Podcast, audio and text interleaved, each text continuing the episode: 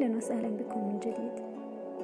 معكم ابتهال أتمنى أنكم بخير وصحة وسلامة.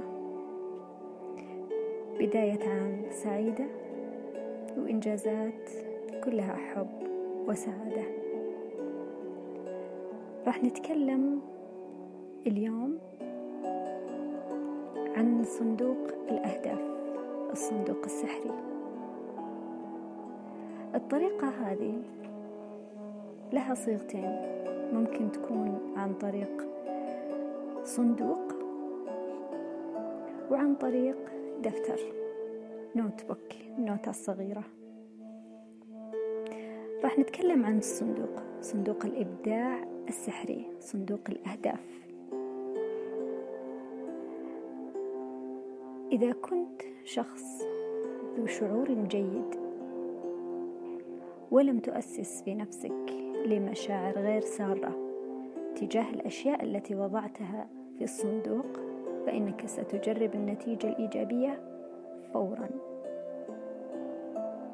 هذا الكلام من كتاب اسأل تعط لإستر وجيري هيكس عن صندوق الصندوق السحري صندوق الإبداع السحري.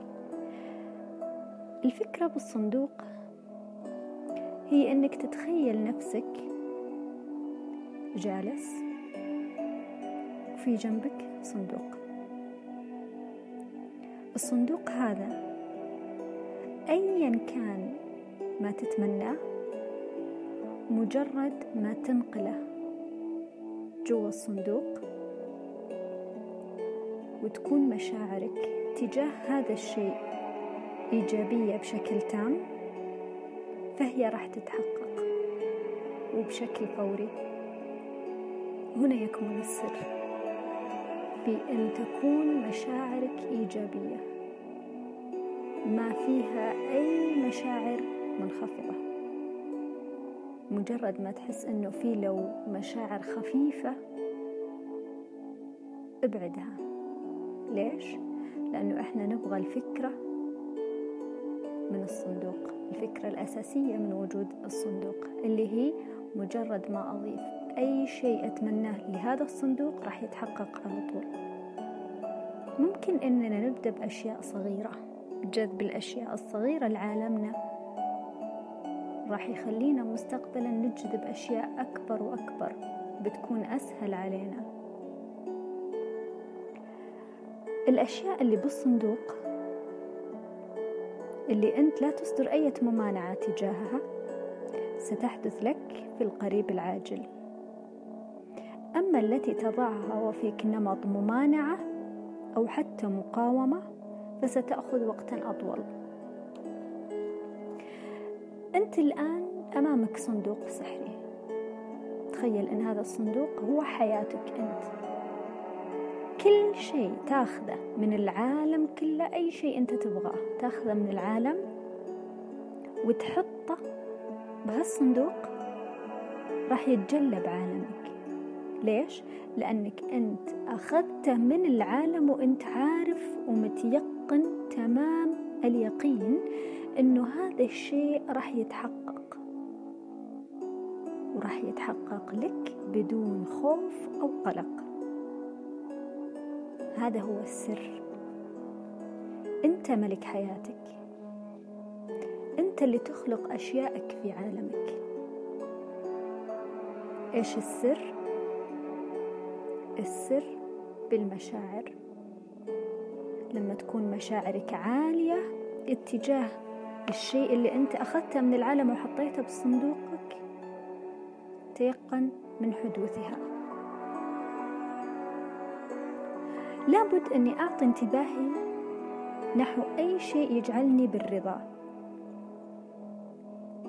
ما يكون تركيزي نحو الأشياء اللي تسبب لي مشاعر منخفضة علشان أقدر أتمرس في قانون الجذب. سنترك تردد مشاعرنا يكون أساسا لنا وبذلك تستطيع أن تخلق أي شيء تعطي انتباهك له. نيجي الآن لفكرة الدفتر. نشتري دفتر جميل بحيث أنك تقدر تمسكه بكل يدينك يكون وسط حجمه. مهم أنك تختار لون يبعث فيك البهجة. مجرد ما تشوف الدفتر هذا تحس بالبهجة وأنت ماسكه. الآن نكتب على غلاف الدفتر كتابي المتعلق بالجوانب الإيجابية. لو حابين تكتبون بالإنجليش راح يكون My Book of Positive Aspects. أعلى الصفحة الصفحة الأولى طبعا أكتب اسم أو وصف موجز لشخص أو لشيء أشعر نحوه بالرضا. وأسأل نفسي الأسئلة هذه. ماذا أحب في هذا الشخص أو في هذا الشيء؟ ولماذا أحبه كثيرا؟ ما هي الجوانب الإيجابية في هذا الشخص أو في هذا الشيء؟ بعد كذا نكتب طالما أن الأفكار تتدفق. نسترسل بالكتابة. بعد كذا نقرأ أي شيء كتبناه ومهم أننا نستمتع بالكلمات اللي إحنا كاتبينها. الآن ننتقل إلى الصفحة التالية ونكتب اسم أو عنوان آخر لشخص أو لشيء تشعر بالرضا نحوه ثم كرر هذه العملية لمدة عشرين دقيقة.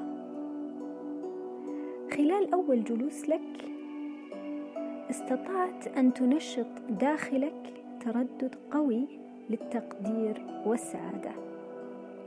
كيف؟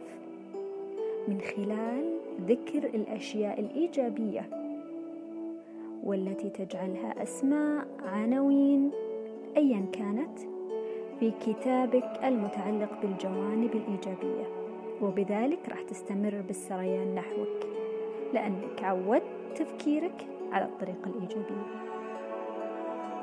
بهذه العملية ستنشط وتضمن نفسك ضمن التردد العالي للسعادة والتي تتماشى مع من تكون حقا وستشعر بالسعادة.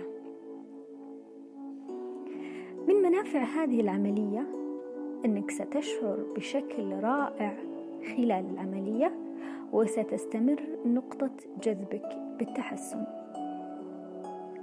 قانون الجذب سيمنحك المزيد من الأشخاص أو الأماكن أو التجارب والأشياء الرائعة لكي تستمتع بها. مهم أننا نبعد انتباهنا عن أي شيء سلبي. نريد فقط التركيز على الأشياء الإيجابية لأنها هي راح تكون مصدر ترددنا العالي اللي راح يشعرنا بالسعادة.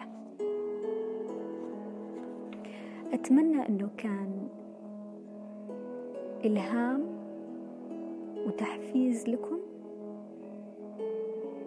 ونشوفكم في وقت لاحق.